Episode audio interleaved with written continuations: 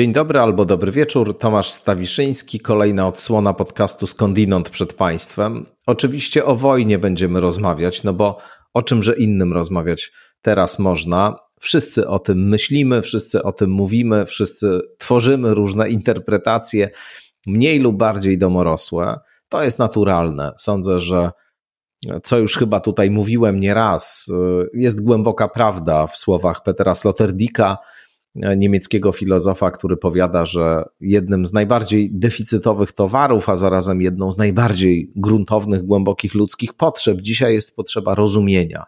Że rozumienia nam najbardziej brakuje i najbardziej go potrzebujemy. Niestety różne alternatywne formy rozumienia w tę lukę, w tę potrzebę nam wchodzą teorie spiskowe na przykład, albo różne inne takie dziwne konstrukty myślowe.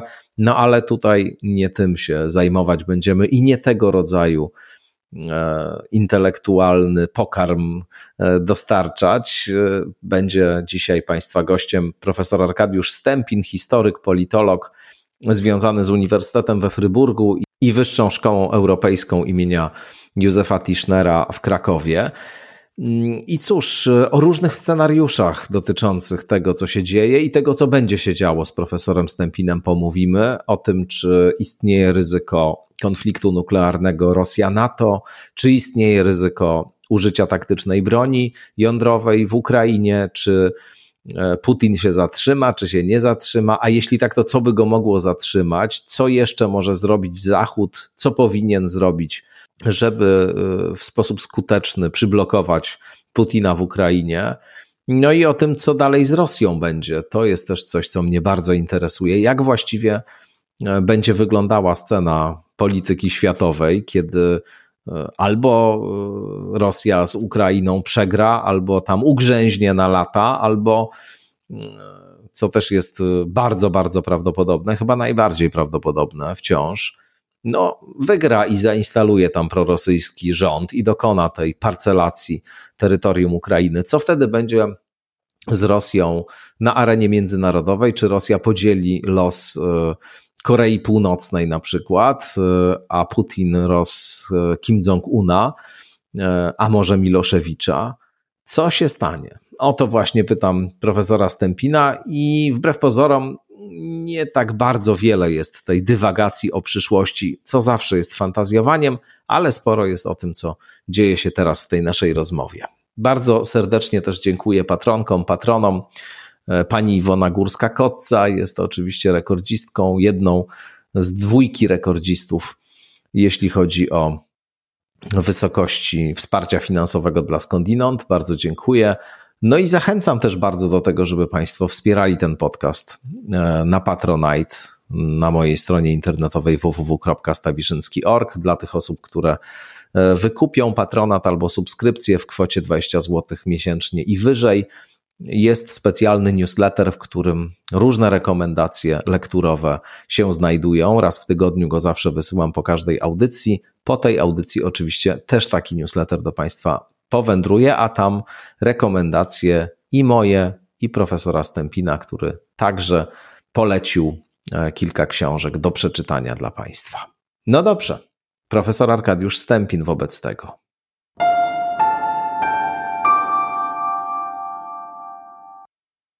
Nie po raz pierwszy profesor Arkadiusz Stępin gości w podcaście Skądinąd. Dzień dobry, Arku. Witaj Tomku, bardzo, bardzo się cieszę, że e, możemy po raz kolejny e, rozmawiać ze sobą. Ja też się bardzo cieszę i tak długo się zastanawiałem nad tym, jakie właściwie pytanie zadać Ci na początek. Myślałem, myślałem i doszedłem do wniosku, że zapytam Cię po prostu, co to będzie? Na tak e, postawione pytanie odpowiem, że nie jestem jasnowidzem i prorokiem E, natomiast e, i doświadczenie... Ale jesteś historykiem, tak. jesteś historykiem, a jak to słusznie pisał e, i śpiewał Jacek Kaczmarski, pamiętamy co było, więc wiemy co będzie. Mogę, zgadzając się z tym, dodać, że historia do tej pory dowiodła, iż ludzie z historii niewiele się nauczyli. Też prawda. Kontekście łacińskiej sentencji mm, antycznego Rzymu. Ale mówiąc e, całkiem, całkiem poważnie, również należałem do tych historyków i politologów, którzy wykluczali e, to, czego świadkami jesteśmy od dwóch tygodni. Wykluczałem wojnę, konwencjonalną wojnę e, kinetyczną, w której ofiarą będzie ludność e, cywilna, której mm, agresja będzie nakierowana na łamanie mm, konwencji, jakie ludzkość wymyśliła w XX e, wieku, która będzie właściwie zbrodnią przeciwko ludzkości. Tak, to ja również e, nie liczyłem się z tym scenariuszem. Więc to mówię o tym dlatego, że w tej chwili, jeżeli pytasz, co nas czeka, najprawdopodobniej y, musimy uwzględniać także te scenariusze, które nam się po prostu nie mieszczą w głowie, jeżeli ograniczymy się tylko do przestrzegania konwencji, do przestrzegania praw e, człowieka i do wykluczenia z rozgrywek militarnych e, ludności cywilnej. Politycznie natomiast e, nie wykluczam właśnie mając na względzie ten, ten, ten otwarty e, scenariusz i tego przeciwnika, czy właściwie demona, który ujawni się na arenie politycznej jako gracz e, polityczny, nie wykluczam e, konfrontacji, która no właśnie jeszcze przed dwoma tygodniami nam się nie mieściła w głowach, czyli konfrontacji między NATO a Rosją Putina. No, myślisz, że to jest y, właśnie realna perspektywa NATO versus Putin? Mówię nie już mówię, o takim jest, konflikcie nie, nie mówię, nie, nie, mówię, nie mówię, że to jest scenariusz, ku któremu um, niechybnie zmierzamy. Mówię tyle, że z tej puli rozwiązań i scenariuszy, które w tej chwili się y, rozgrywają na Ukrainie, także takiego scenariusza nie możemy wykluczyć. Są ku temu racjonalne przesłanki. Zgadzam się z tymi. Jakie? Jakie przesłanki? Zgadzam się z tymi, zgadzam się z tymi politologami, którzy uważają e, Putina za mm, gracza, który e, kalkuluje, który może przekalkulować, ale który kalkuluje i nie jest szaleńcem nieobliczalnym. Więc posługuje się w ramach odmiennej od nas logiki i dlatego, że posługiwał się e, przed inwazją na Ukrainę w ramach innej logiki niż my, niż e, większość z nas, dlatego nie dopuszczaliśmy te, tej myśli o mm, wojnie konwencjonalnej, tej, którą znamy z lat II wojny światowej, z ludobójstwem, zbrodniami przeciwko e, ludzkości. W tej chwili takie ewentualności przynajmniej teoretycznie wykluczyć nie, mamy, nie możemy, a przesłanki ku temu, no właśnie, to jest ten logicznie, racjonalnie myślący Putin. Nie jest to być może etyczne, że zaczynamy te rozważania od niego. Moglibyśmy e, powątpiewać w sens, w sens przypisywania jednostce takiego znaczenia, jaką przypisywaliśmy e, na przykład e, Napoleonowi czy, czy e, innym, no niekoniecznie znanym z militarnych ekscesów postaciom historycznym, ale pewnie i też w tym przypadku osoba Putina współgra ze swoim otoczeniem. Czyli e, Putin nie urodził się na pustyni, nie urodził się na piasku. Jego wydało otoczenie, z którym organicznie jest e, sprzężony i które na niego działa równie silnie jak on na e, otoczenie. Tym niemniej jednak aktor polityczny w tym, tej rozgrywce, jakim jest Putin, przynajmniej w 50% trzyma udziały, udziały Rosji, jako e, agresora na e, Ukrainie. Dlatego mówię o, mm, o mm, Putinie. Tak, musimy uwzględniać tę jego właśnie rachubę, które, która otwarta jest na każdą możliwość, łącznie z użyciem e, taktycznej broni nuklearnej, z użyciem broni chemicznej, broni biologicznej. To jest ta przesłanka, która, która mnie prowadzi do tego pierwszego sformułowania, szerokiego sformułowania, że musimy być na te scenariusze, które wygenerować może konflikt, na, wojna na, przeciwko Ukrainie wygenerować może na, na większą skalę. To jest ta jedna z moich przesłanek, prawdopodobnie kluczowa. Ale powiedziałeś, że istnieją racjonalne przesłanki, żeby Putin zdecydował się na ten scenariusz właśnie konfliktu z NATO w dużym, z dużym prawdopodobieństwem, jeśli ten scenariusz by się zrealizował, to mielibyśmy trzecią wojnę światową po prostu i byłaby to wojna nuklearna, czyli coś, czego skutków w zasadzie nie jesteśmy dzisiaj w stanie e, sobie wyobrazić. One, e, znaczy, znamy je oczywiście z filmów e, apokaliptycznych i postapokaliptycznych i byłoby to rzeczywiście koniec świata, jaki znamy w sensie jak najbardziej dosłownym. Może nikt nie wyszedłby żywy w ogóle z tego rodzaju konfrontacji. Wszystko jest możliwe, jeśli e, zaczęlibyśmy operować tego typu energiami, co energie wyzwalane przez detonację e, ładunków e, atomowych.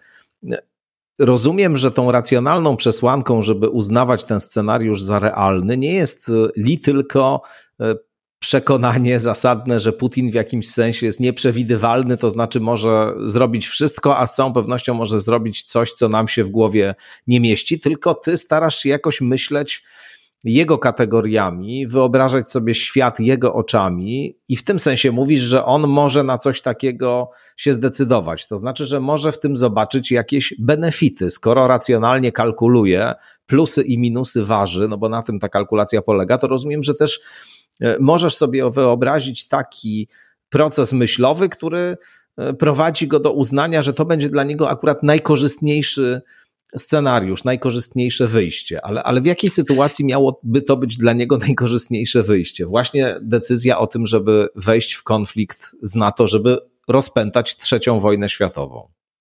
Do, doprecyzuję tę, moją myśl. Ja powiedziałem o użyciu taktycznej broni i to najprawdopodobniej na, na Ukrainie. E, czy Putin zdecydowałby się w momencie konfliktu zbrojnego z NATO na użycie broni nuklearnej? Ma ponad tysiąc e, głowic, e, rakiet z głowicami jądrowymi. To bym raczej wykluczał. Natomiast tak jak mówiłem trochę, trochę wcześniej, e, Putin gra, współgra ze swoim otoczeniem.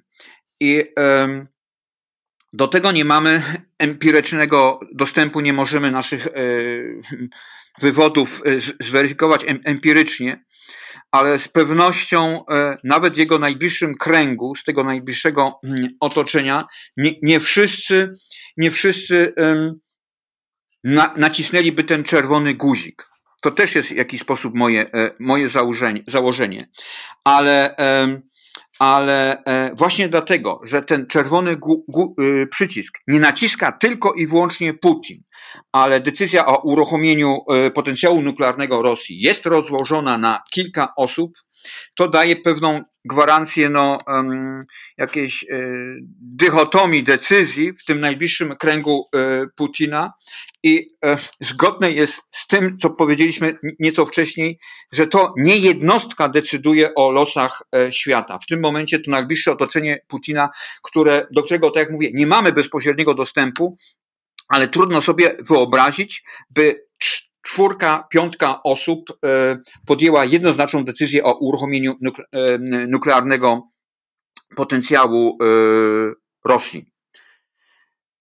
Więc finalnie nie powinna nam grozić trzecia wojna światowa z, to, z tym scenariuszem, e, który e, roztoczyłeś e, przed chwilą. Natomiast użycie taktycznej broni nuklearnej na Ukrainie, bądź też broni biologicznej, bądź też broni chemicznej, mieści się w ramach logiki Putina, do której może przekonać swoje otoczenie i do którego nie potrzeba uruchomienia tej sekwencji decyzji, jak przy użyciu broni mm, nuklearnej. Słyszałem taki argument y, wspierający tę Twoją tezę, że właśnie przemawia za tego rodzaju rozwiązaniem, to znaczy za użyciem taktycznej broni jądrowej, e, to, że tak niewiele wojska tam zostało skierowane. Relatywnie nie, niewiele. I y, dotychczasowy przebieg jakbyśmy to nazwali eufemistycznie, operacji, bądź też wojną przeciwko U Ukrainie.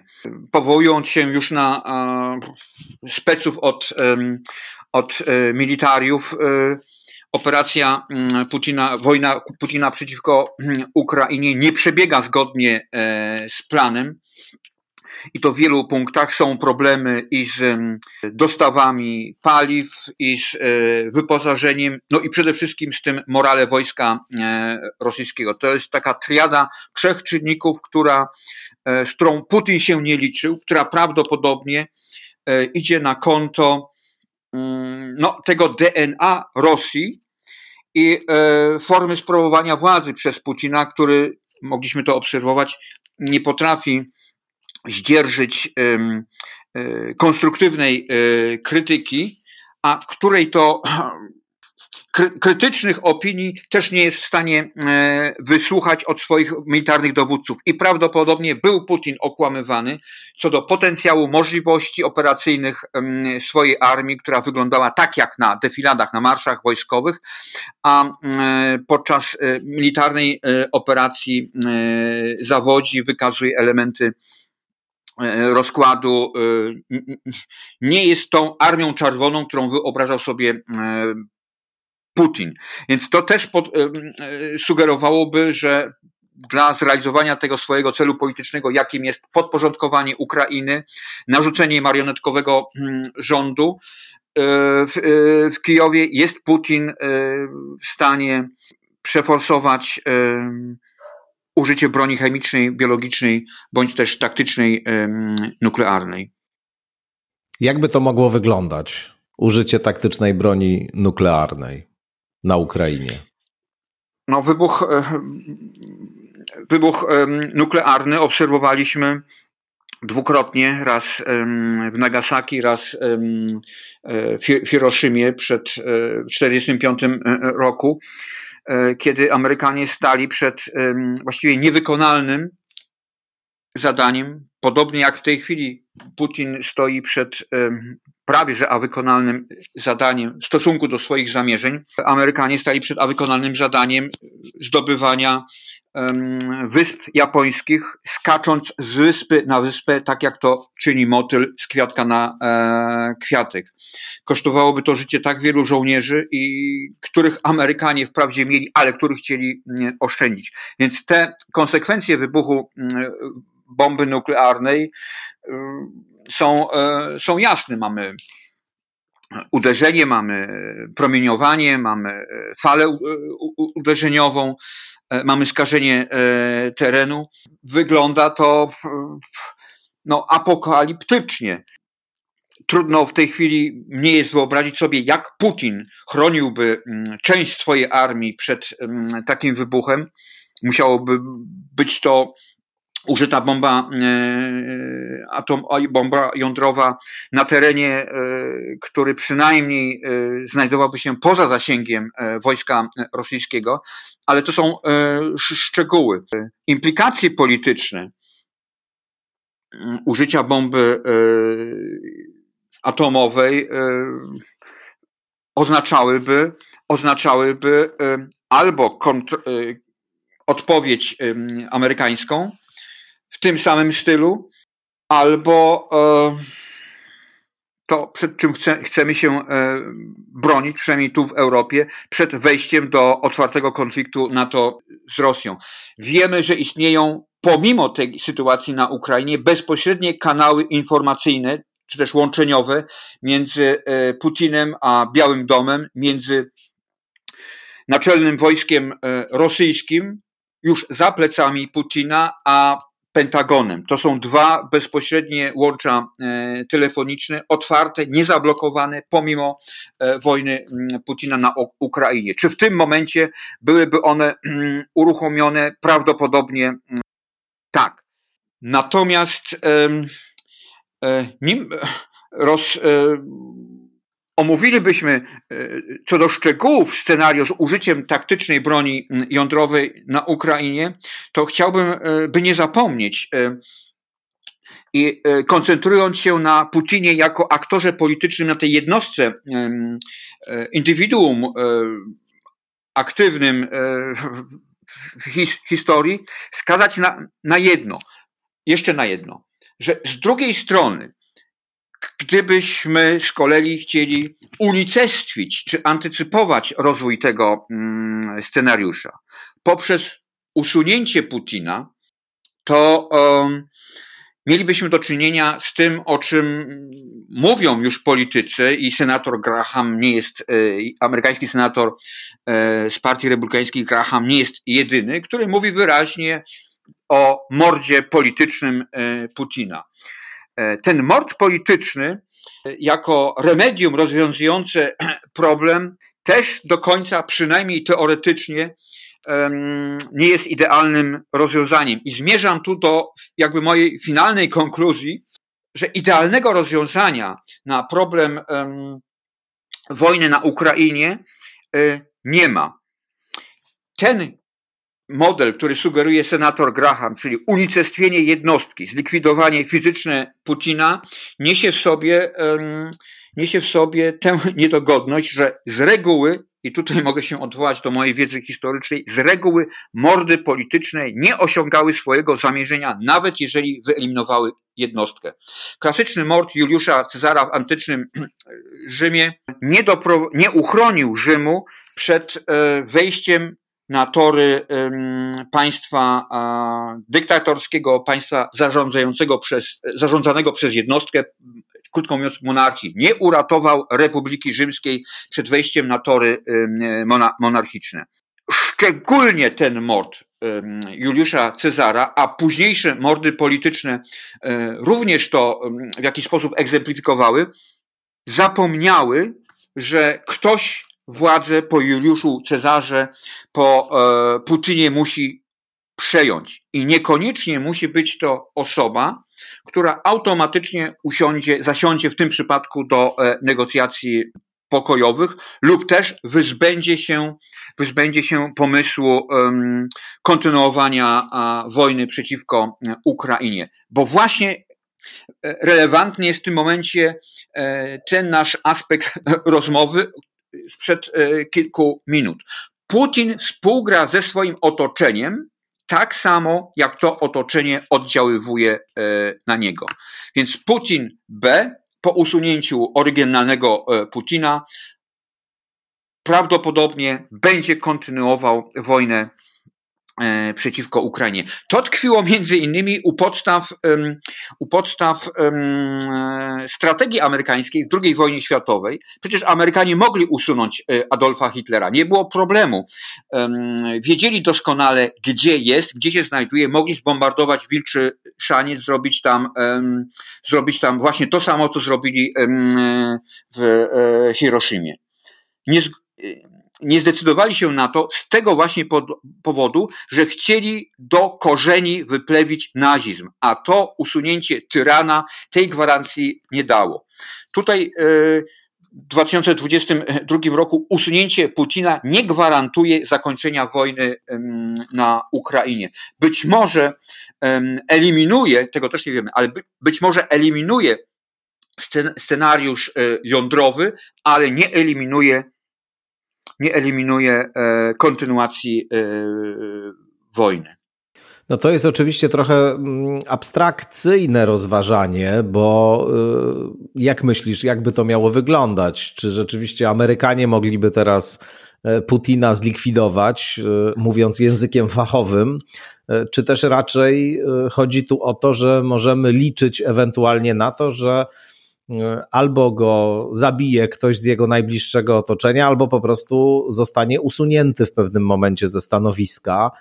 Na przykład, kiedy okaże się, że wszystkie te dotkliwe konsekwencje dla Rosji, e, inwazji na Ukrainę, no, są już nie do wytrzymania dla e, różnych możnowładców tamtejszych i oni jednak uznają, że Putin jest człowiekiem, który E, klęskę poniósł tutaj całkowitą i e, w istocie na, na jakiś taki e, kurs tragiczny Rosję skierował i wtedy może go rzeczywiście odwołają, ale, ale rozumiem, że chyba takiej możliwości, że oto poleci amerykański bombowiec i zbombarduje Kreml na przykład, nie, bierzesz pod uwagę.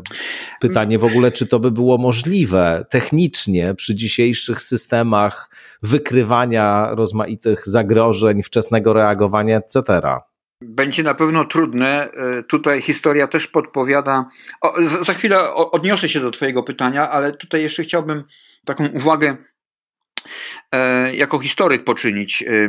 CIA próbowało mm, w latach 60. Y, od 59 roku, kiedy Fidel Castro e, przejął władzę na e, Kubie, próbowało go usunąć. Uznało go za takie samo zło, jak w tej chwili traktujemy Putina. Tych zamachów według skrupulatnych statystyk było ponad 400.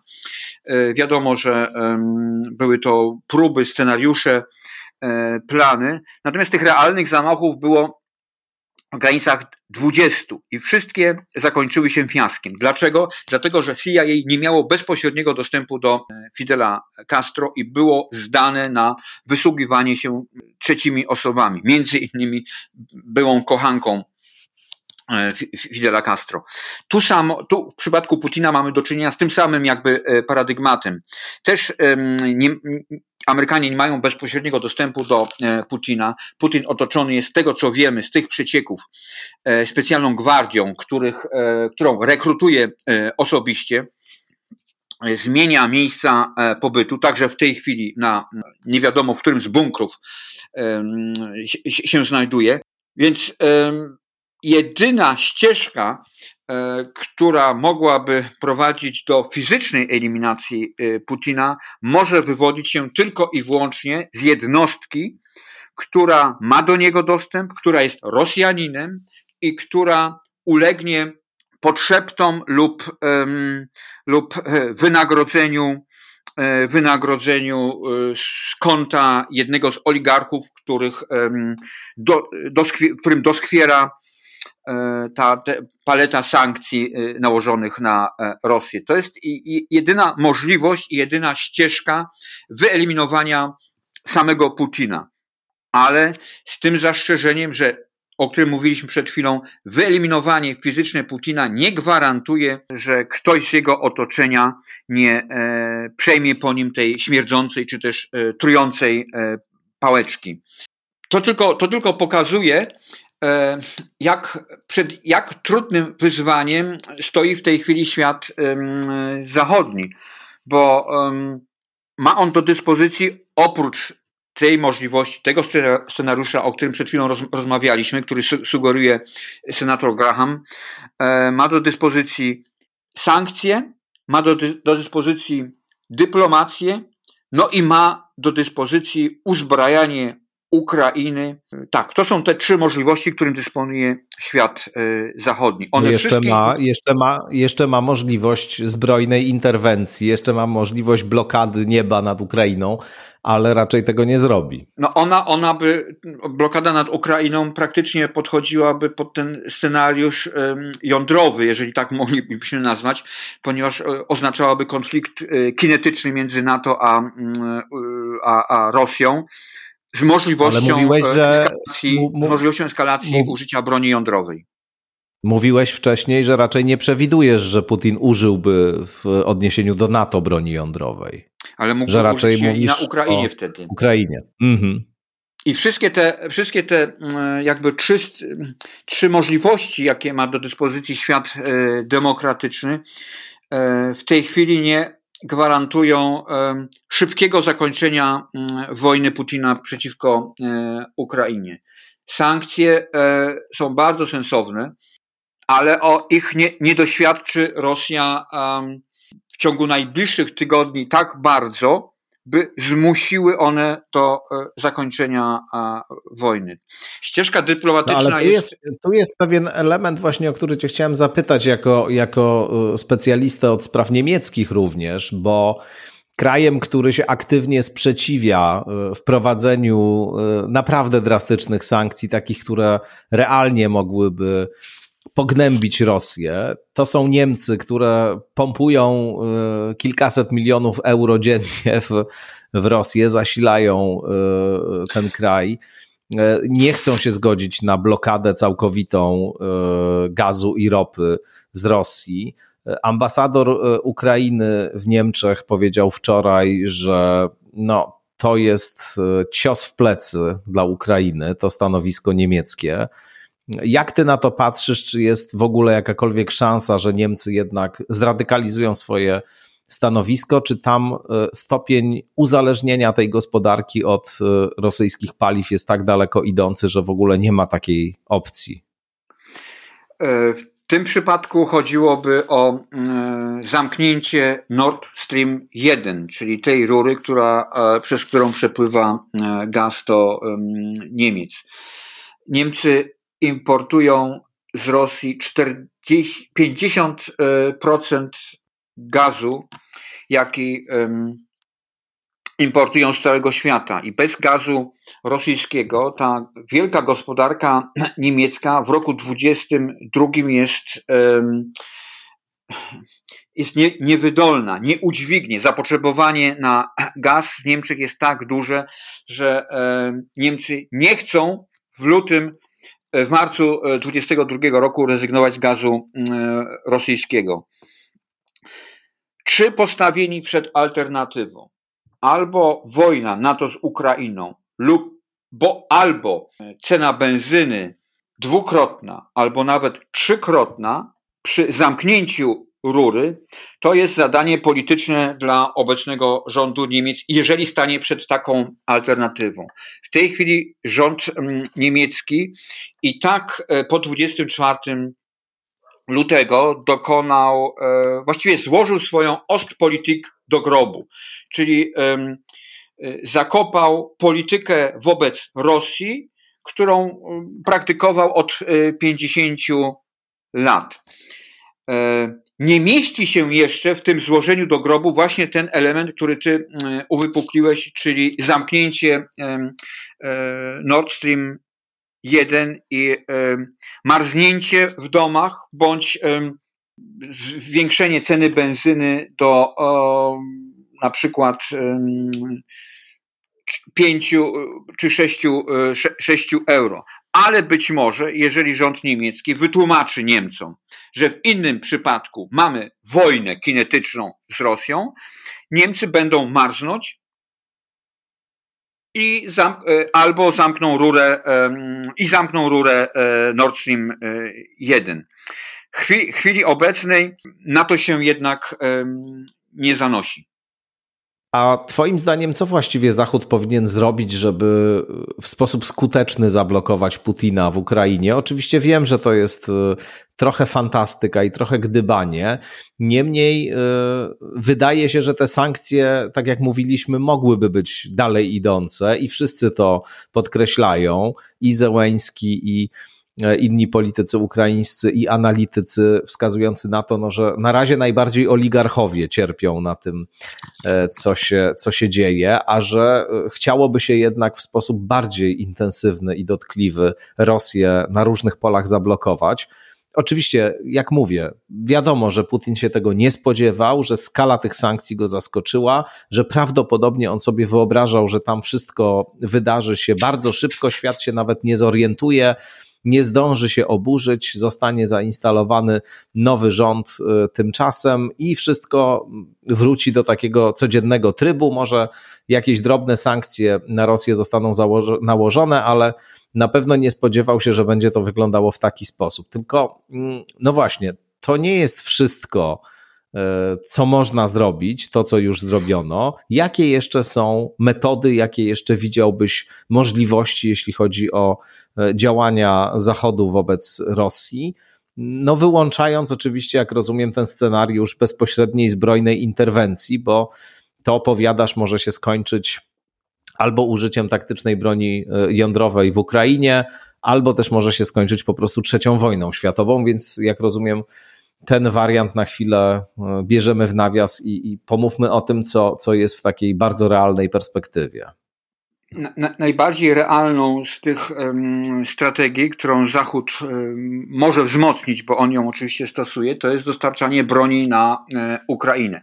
Ukrainę. W przypadku rządu niemieckiego mówiłem o tej jakby no archimedesowej zmianie e, i złożeniu polityki wschodniej do e, grobu, ponieważ do wybuchu wojny rząd niemiecki w ogóle nie e, brał pod uwagę dostarczania ciężkiego sprzętu militarnego na Ukrainę. W tej chwili rząd niemiecki zgodził się wysłać na Ukrainę artyleryjską broń przeciwpancerną, przeciwlotniczą, na przykład haubice D-30, Panzerfausty e, czy te e, osławione amerykańskie, amerykańskie Stingery, ale Ukraina potrzebuje e, czołgów, samolotów, a nawet łodzi podwodnych, czyli ten najcięższy sprzęt wojskowy dostarczanie e, tego ciężkiego sprzętu na Ukrainę jest e, z pewnością politycznie dużo bardziej łatwiejsze,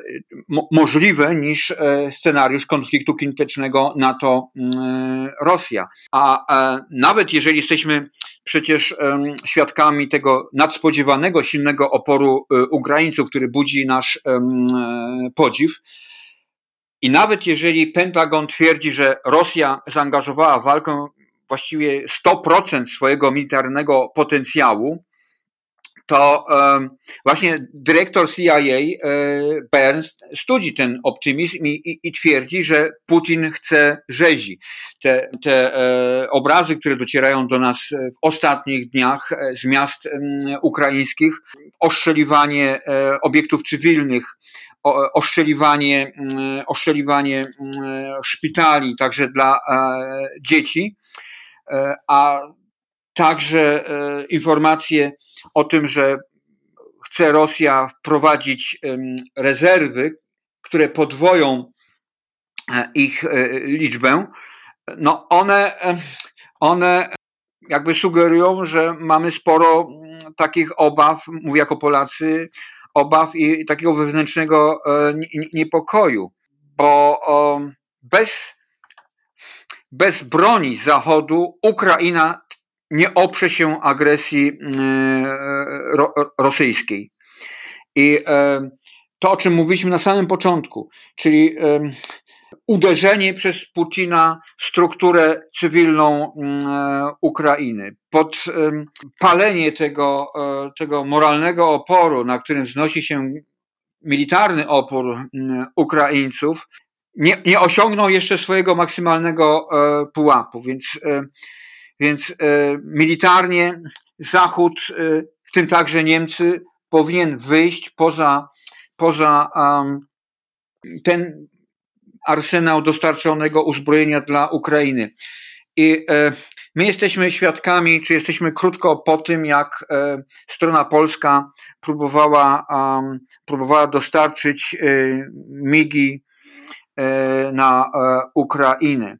Sprawa wyszła, sprawa wyszła na światło dzienne dzięki takim niezręcznościom językowym, nie tylko e, po stronie polskiej. Inaczej mówiąc, może się nie dowiemy w opinii, jako opinia publiczna, że idzie ciężki sprzęt na Ukrainie, a kanałami właśnie poufnymi lub też nieujawnianymi w mediach e, ta ciężka broń e, dla Ukrainy e, będzie płynęła, ponieważ realnie mówiąc jest to jedyna możliwość, w którym, kiedy, kiedy Rosja nie wyjdzie zwycięzcą, pomimo, pomimo tych no, trudności w rozwinięciu skrzydeł militarnych z, z tej wojny. I my o tym niekoniecznie musimy się e, dowiedzieć. Ale te dwie e, pozostałe ścieżki, czyli sankcje, nawet jeżeli będą one, one uszczelnione i e, na przykład te dwa ostatnie banki, które nie podlegają, które rosyjskie, które dysponują jeszcze systemem SWIFT, trafią na listę, lub też lista lista indywidualnych sankcji zostanie rozszerzona, to e, trudno zakładać, że rzuci to Rosję na kolana i przekona Putina o szybkim zakończeniu wojny. Więc puentując, tylko zwiększone dostawy broni, ciężkiego sprzętu na Ukrainę w momencie, kiedy Ukraina dysponuje armią żołnierzy, jest w stanie, e, jest w stanie oprzeć się inwazji rosyjskiej i doprowadzić do prawdziwych e, negocjacji pokojowych, nie tych, których świadkami byliśmy nie tak dawno w Antalii w, Turcji. Przyznam, że mnie wspomniałeś o sprawie migów. Ta sprawa zaniepokoiła bardzo. Nie wiem do końca i nikt z nas nie wie, rzecz jasna, co tam się zadziało i dlaczego to wyglądało tak, a nie inaczej, ale no, przede wszystkim y, to Joseph Borrell i Antony Blinken y, o tym głośno mówili, podkreślając w kilku swoich wypowiedziach, że Oczywiście istnieje taka możliwość, żeby Polska te migi przekazała, że y, oni będą to popierać, że y, dadzą y, samoloty w zamian, że dają zielone światło na to, etc. I no cóż, wydaje mi się, że ta propozycja polskiego rządu akurat była dosyć sensowna. Nie jestem zwolennikiem polityki E, Kaczyńskiego, Morawieckiego w wielu sprawach, ale tu muszę powiedzieć, że wydało mi się to dość rozsądne. Jeśli trochę stawiano Polskę przed faktem dokonanym i informowano publicznie, że ona te migi może przekazać, zarazem, e, no, wytwarzając pewne ryzyko, e, że spotka się to na przykład z jakimś działaniem odwetowym Putina, no to logicznym krokiem, skoro tak nas zachęcali, było powiedzenie: dobrze, no to zróbmy to razem wobec tego. Jeśli tak zachęcacie, to też się do tego przyłączcie i zróbmy to tak, żeby zminimalizować ryzyko, że to Polska nagle stanie się celem e, potencjalnego ataku. I oni się wtedy natychmiast z tego wycofali.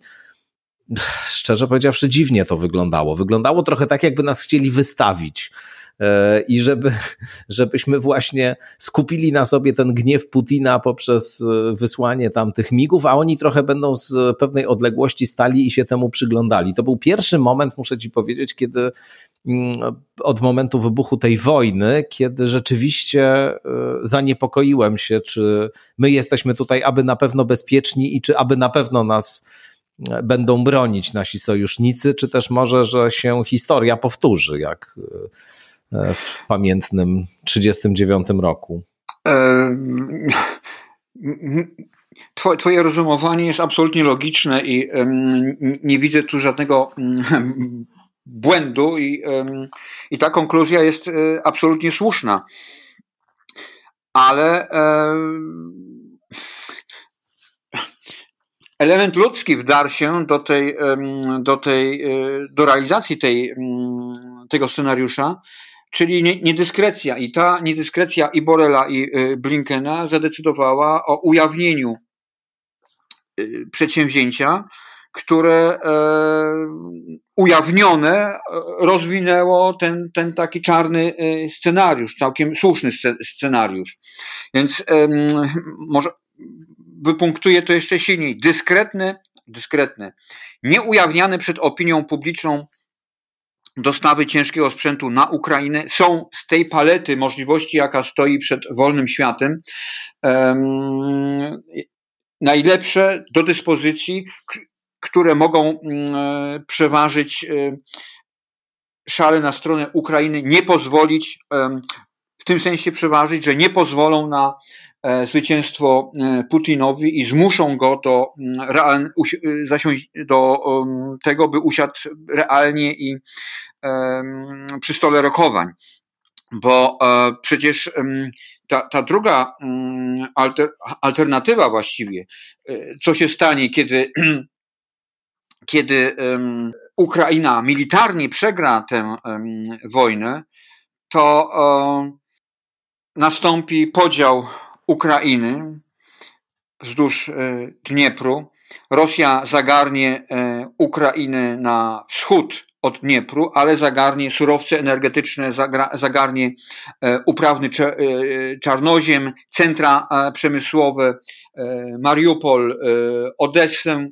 Wszystko to będzie zasilało rosyjski budżet, wywożąc ukraińskie płody do Chin, Afryki czy na Bliski Wschód.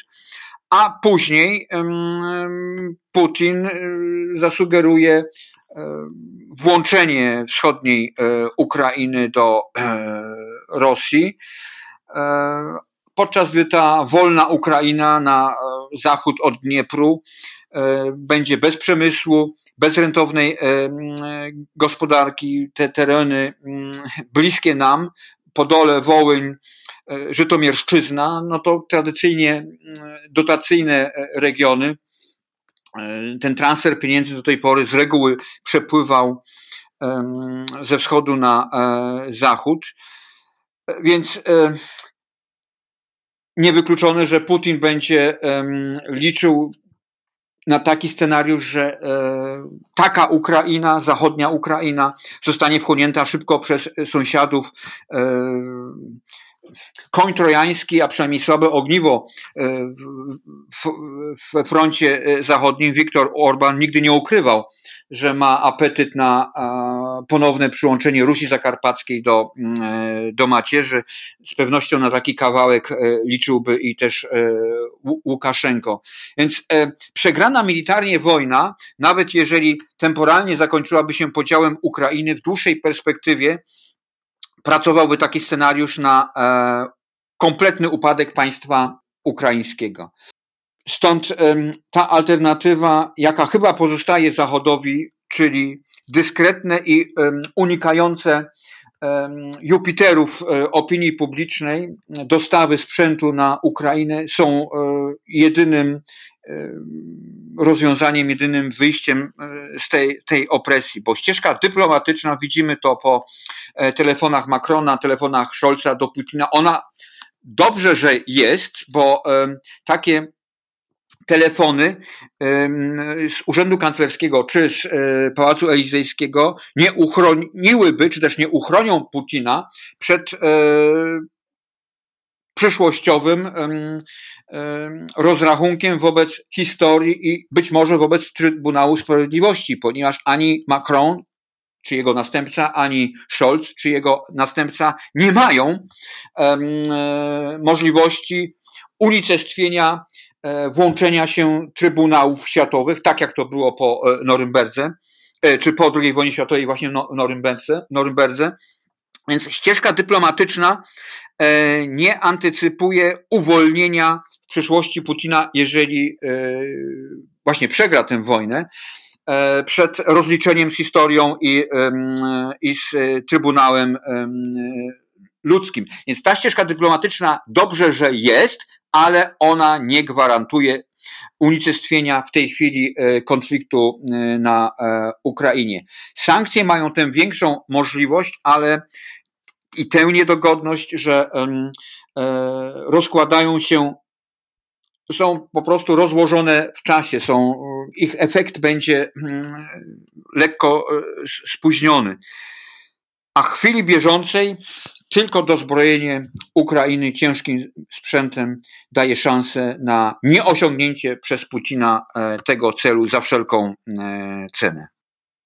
No, trudno się też nie zastanawiać nad tym, e, wiesz, co właściwie będzie działo się z Rosją przez najbliższe lata, jak będzie cała ta scena polityki światowej wyglądała. No, w tej chwili mamy całkowitą izolację gospodarczą, dyplomatyczną, kulturową, wszelką inną tego kraju, e, to w najbliższym horyzoncie raczej się nie zmieni, bo jak widać, e, Putin zdeterminowany jest absolutnie, żeby e, iść na zwarcie i, i nie odstępować od tego, co tam sobie zamierzył. Natomiast e, w tym tygodniu rozmawiamy w piątek, 11 marca. To jest istotna informacja, bo tutaj wszystko się zmienia bardzo szybko, więc e, Państwo słuchają nas w niedzielę 13 marca, my rozmawiamy w piątek 11 marca. Mm, no, y, przed kilkoma dniami pojawiła się informacja, że ochrona patentowa została zniesiona w Rosji. To znaczy, że będzie można de facto mm, szpiegostwo i złodziejstwo gospodarcze tam uprawiać, a i dalej idące y, pirackie rozwiązania też y, są chyba planowane, a w każdym razie się o nich mówi. Takie na przykład, że mimo tego, że się McDonald's wycofuje z Rosji, w końcu, to jednak, a w każdym razie zawiesza tam działalność na pewien czas, to można znacjonalizować będzie ten majątek McDonald'sa i prowadzić dalej E, knajpy pod egidą McDonald'sa właśnie. Nawet to, to, tak być może będzie w Rosji. W tym, tym, tym e, przypadku każdym... nie, nie byłoby to mhm. ewenementem, ponieważ przed, e, po, po 17 roku, 917 roku, kiedy wybuchła e, rewolucja mm, e, bolszewików, e, znacjonalizowano własność prywatną, e, głównie francuską, no tak. w Rosji bez problemu, więc szliby, szedłby Putin wydeptaną rosyjską ścieżką. No tak, ale wiesz, to wszystko powoduje, że ta, to państwo staje się całkowicie e, odizolowane, staje się taką przestrzenią jakąś e, zupełnie, zupełnie e, niepowiązaną z światem zewnętrznym. Jak to w ogóle realnie może wyglądać na dłuższą metę i jakie to może mieć skutki? Jest dużo takich obaw, że w momencie, kiedy te sankcje będą jeszcze bardziej radykalne i kiedy już y, naprawdę w Rosji ludzie będą to odczuwać, już odczuwają, ale kiedy, nie wiem, kolaps nastąpi tej gospodarki na przykład, no to Putin y, może uzna, że nie ma już nic do stracenia wobec tego i ruszy na kraje NATO i wywoła tę trzecią wojnę światową, no bo skoro i tak już stracił wszystko, co mógł stracić, i tak jest persona non grata E, na zachodzie i tak to ci, którzy się mieli wycofać, to się wycofali, pieniędzy nie ma, no to cóż mu pozostaje? I ta, ta, także tu um, nie widzę żadnego um, niedociągnięcia w tym, e, w tym wywodzie. Um, pozytywny, pozytywny e, koniec tego scenariusza E, przeżyliśmy my, Polacy, w 1989 roku. Sankcje nałożone na Polskę, na reżim Jaruzelskiego po wywołaniu, wprowadzeniu stanu wojennego, no doprowadził między innymi do buntu Solidarności i jakbyśmy etycznie e, nie próbowali wytłumaczyć polskiej rewolucji lat 80., zakończonej zakończonej e, okrągłym stołem i e, wyrzuceniem systemu komunistycznego e, za, za burtę, to sankcje amerykańskie do tego się przyczynili, ponieważ polscy robotnicy nie chcieli głodować. Nie tylko polscy robotnicy, polskie społeczeństwo nie chciało głodować. Więc się zbuntowało i E, postawiło, wystawiło rachunek rządzącym komunistom. Więc tutaj przeżyliśmy właśnie taki mm, scenariusz live, e, który, mm, który e, miał szczęśliwy finał. Ten drugi jest równie możliwy, że zdesperowany e, Putin, poruszający się, tak jak mówiliśmy na początku rozmowy, poruszający się w ramach swojej wewnętrznej, spójnej, ale dla nas szaleńczej logiki, może zdecydować się, że mając nóż pod, e, e, przy gardle, bądź też będąc przystawiony do narożnika, będzie starał się drogą tę, którą my określimy drogą szaleńc, szaleńca, wyjść z opresji, pociągając e, wszystkich na dno w myśl zasady e, po nas to nawet choćby potop. Więc sankcje mają tę, tę niedogodność, że obydwa scenariusze, te obydwa, obydwie ścieżki są e, możliwe. I ta polska lat 80., i ta e, makabryczna, apokaliptyczna również. Stąd, e, stąd upiera, upierałbym się przy, przy strategii dozbrojenia Ukrainy za wszelką cenę, by w jaki sposób Ukraina, która także moralnie prowadzi w naszym imieniu mm, wojnę przeciwko Putinowi, także dlatego, że przecież e, ultimatum, jakie postawił Putin e, w połowie grudnia paktowi północnoatlantyckiemu, no było skierowane nie, nie do e, Ukrainy, tylko do, do NATO. E, w większy, większym stopniu. I NATO odrzuciło te warunki. W efekcie Putin y, zbójecko napadł na Ukrainę. W tym sensie e, Ukraina ma, znaczy można powiedzieć, że moralnie prowadzi wojnę przeciwko Putinowi w imieniu całego Paktu Północnoatlantyckiego. I, i tylko dozbrajanie dobrym sprzętem militarnym, wojskowym Ukrainy daje szansę temu scenariuszowi, w którym Putin nie realizuje celu i jest przymuszony do negocjacji. Gdzieś tam na, w ramach tego, e, te, te, tego, e, tego wywodu, gdzieś na mikropłaszczyźnie mogę mm, jakby to egzemplifikować e, niemieckim wątkiem, że oczekiwania strony ukraińskiej, także po, tym, po tej zmianie i zmianie w Berlinie i złożeniu Ostpolitik do grobu. I zwiększeniu dostaw militarnych przez e, Berlin e, na Ukrainę, no to w dalszym ciągu te, e, ta pomoc wojskowa nie spełnia oczekiwań ukraińskich. Ambasador Ukrainy w Berlinie przedstawił rządowi kanclerza Scholza dwie listy Y, na pierwszej figurują systemy obrony powietrznej o zasięgu do 70 km, figurują antydrony, sprzęt do usuwania min, e, sprzęt zwiadowczy, noktowizory, e, podczas gdy druga lista obejmuje właśnie ten ciężki sprzęt. Czołgi, wozy bojowe, łodzie podwodne.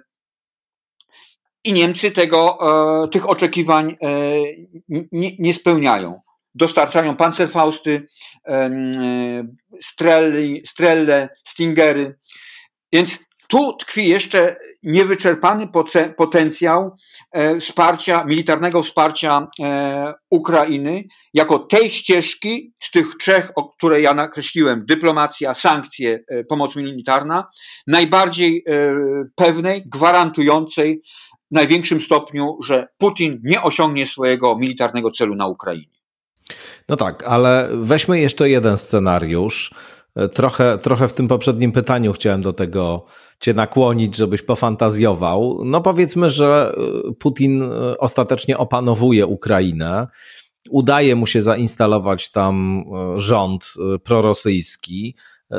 Kraj zostaje rozparcelowany, cały jego plan się realizuje no to co dalej z tą Rosją na arenie międzynarodowej? Jak to w ogóle y, będzie wyglądało? No, izolacja całkowita, czy jednak y, myślisz, że te stosunki pomiędzy Rosją a Zachodem odbudują się z powodów pragmatycznych po prostu? Że wielka polityka to nie jest przestrzeń, w której wartości są na pierwszym miejscu, tylko w którym interesy tak naprawdę grają pierwszą rolę, to myślę, że większość z nas w każdym razie e, nie ma najmniejszych złudzeń.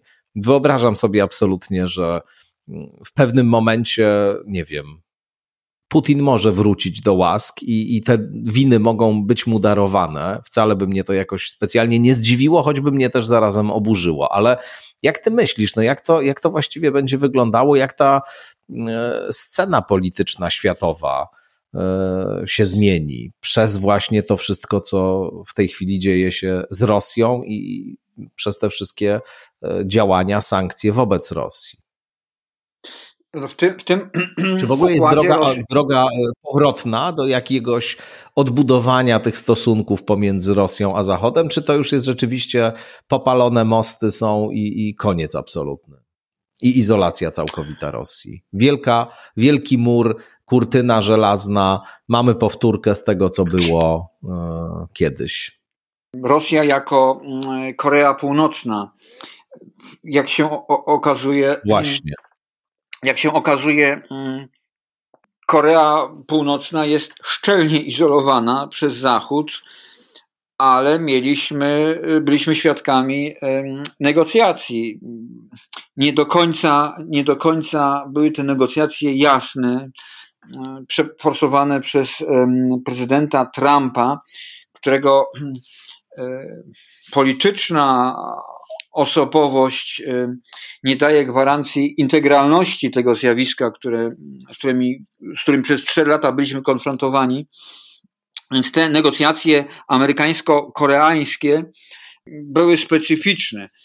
Więc to potwierdzałoby sugerowałoby, że także w przypadku Putina można byłoby sobie wyobrazić, przynajmniej jako konstrukt e, myślowy, dopuszczalny, uruchomienie kanałów dyplomatycznych e, z Putinem po zakończeniu konfliktu e, na Ukrainie, w którym Putin realizuje swoje cele militarne. Z drugiej strony mamy, mamy historyczne, to takie świeżej daty, świeżej daty przykład, kiedy zbrodniarz wojenny, mam na myśli Miloszewicza, E, no, nie zrealizował swojej politycznej misji i trafił przed Trybunał. Będąc właściwie w areszcie, zmarł, wywinął się ostatecznemu wyrokowi. I e, czy w takim razie e, Putin i, i, jego Rosja po mm, zgarnięciu, zagarnięciu Ukrainy e, sytuowałby się między losem e, Kima, a losem Miłoszewicza. E, czy mógłby w dłuższym czasie balansować między tymi dwoma biegunami, unikając finalnie tego losu mm, Miloszewicza? A Rosja wkroczyłaby jako, jako no, nie partner, ale jako gracz polityczny mający znacznie większy, znaczy nieporównywalny ciężar gatunkowy do do, do Korei Północnej mm, na, do gabinetów e, polityki światowej. Pewnie tak, pewnie tak. I na nieszczęście takiego, mm, takiego rozwoju wypadków trzeba było przytoczyć to, że to świat demokratyczny wykluczyłby Rosję ze swojego grona. To świat demokratyczny konsekwentnie trzymałby się tych sankcji, to świat demokratyczny wyizolowałby Rosję w przestrzeni kulturowej, na płaszczyźnie sportowej, nie tylko i wyłącznie e, politycznej, ale świat demokratyczny. Natomiast świat niedemokratyczny, czyli e, krótko mówiąc, e, Chiny, Indie, w tej chwili,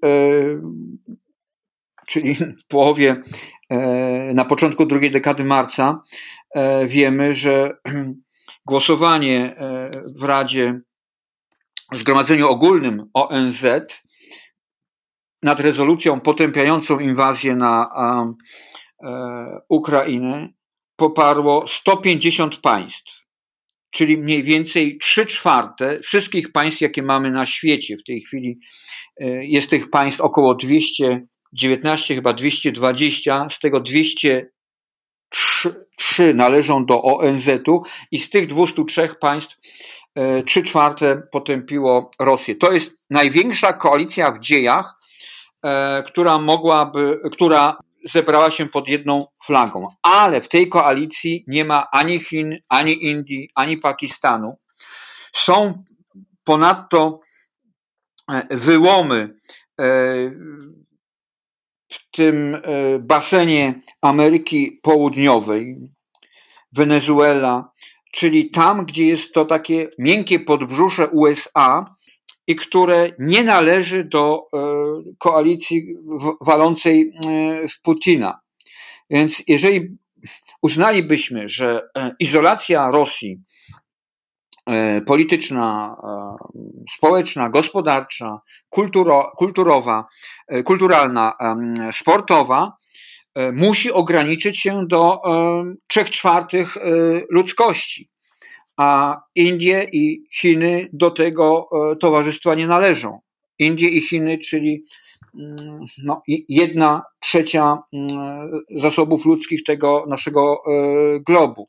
To jest jakieś wyjście awaryjne dla Rosji, próba przetrzymania mm, najgorszego, to tylko pokazuje, jak rzeczywiście trudno jest e, w tym usieciowionym e, świecie lat 2020 e, wyjść z tego ukleszczowienia, usieciowienia i jak mm, trudno wyobrażalne jest wszczęcie konfliktu w usieciowionym świecie, w takim rozumieniu, jakie te, jakie te konflikty toczyły się do połowy, czy nawet jeszcze w drugiej połowie XX e, wieku. To jest stąd, stąd mamy też, wydaje mi się, takie nie neurologiczne, ale kognitywne, kognitywne trudności wyobrażenia sobie funkcjonowania tego świata, którym jesteśmy e, wielopłaszczyznowo i jednostkowo, i społecznie, jako społeczności e, usieciowieni. Więc, krótko mówiąc, ta nieszczelność izolacji, i do tego zmierzam, ta nieszczelność izolacji Rosji gwarantowałaby jej e, przetrwanie, pomimo nawet tych gospodarczych sankcji. Bardzo Ci dziękuję, Arku, za to spotkanie i za rozmowę. No i cóż, nie ostatni raz na pewno rozmawiamy na temat Rosji. Będę się jeszcze zwracał do Ciebie z zaproszeniem, bo szykuje się to raczej temat e, no, na lata, na lata chyba. Bardzo tak, wydaje Profesor tak, tak, nie, długo będziemy rzuć tę żabę w ustach. Na pewno. Bardzo Ci raz jeszcze dziękuję. Profesor Arkadiusz Stępin był Państwa gościem. E, no i oczywiście zachęcam do kolejnych e, odcinków skądinąd i do poprzednich również i do usłyszenia.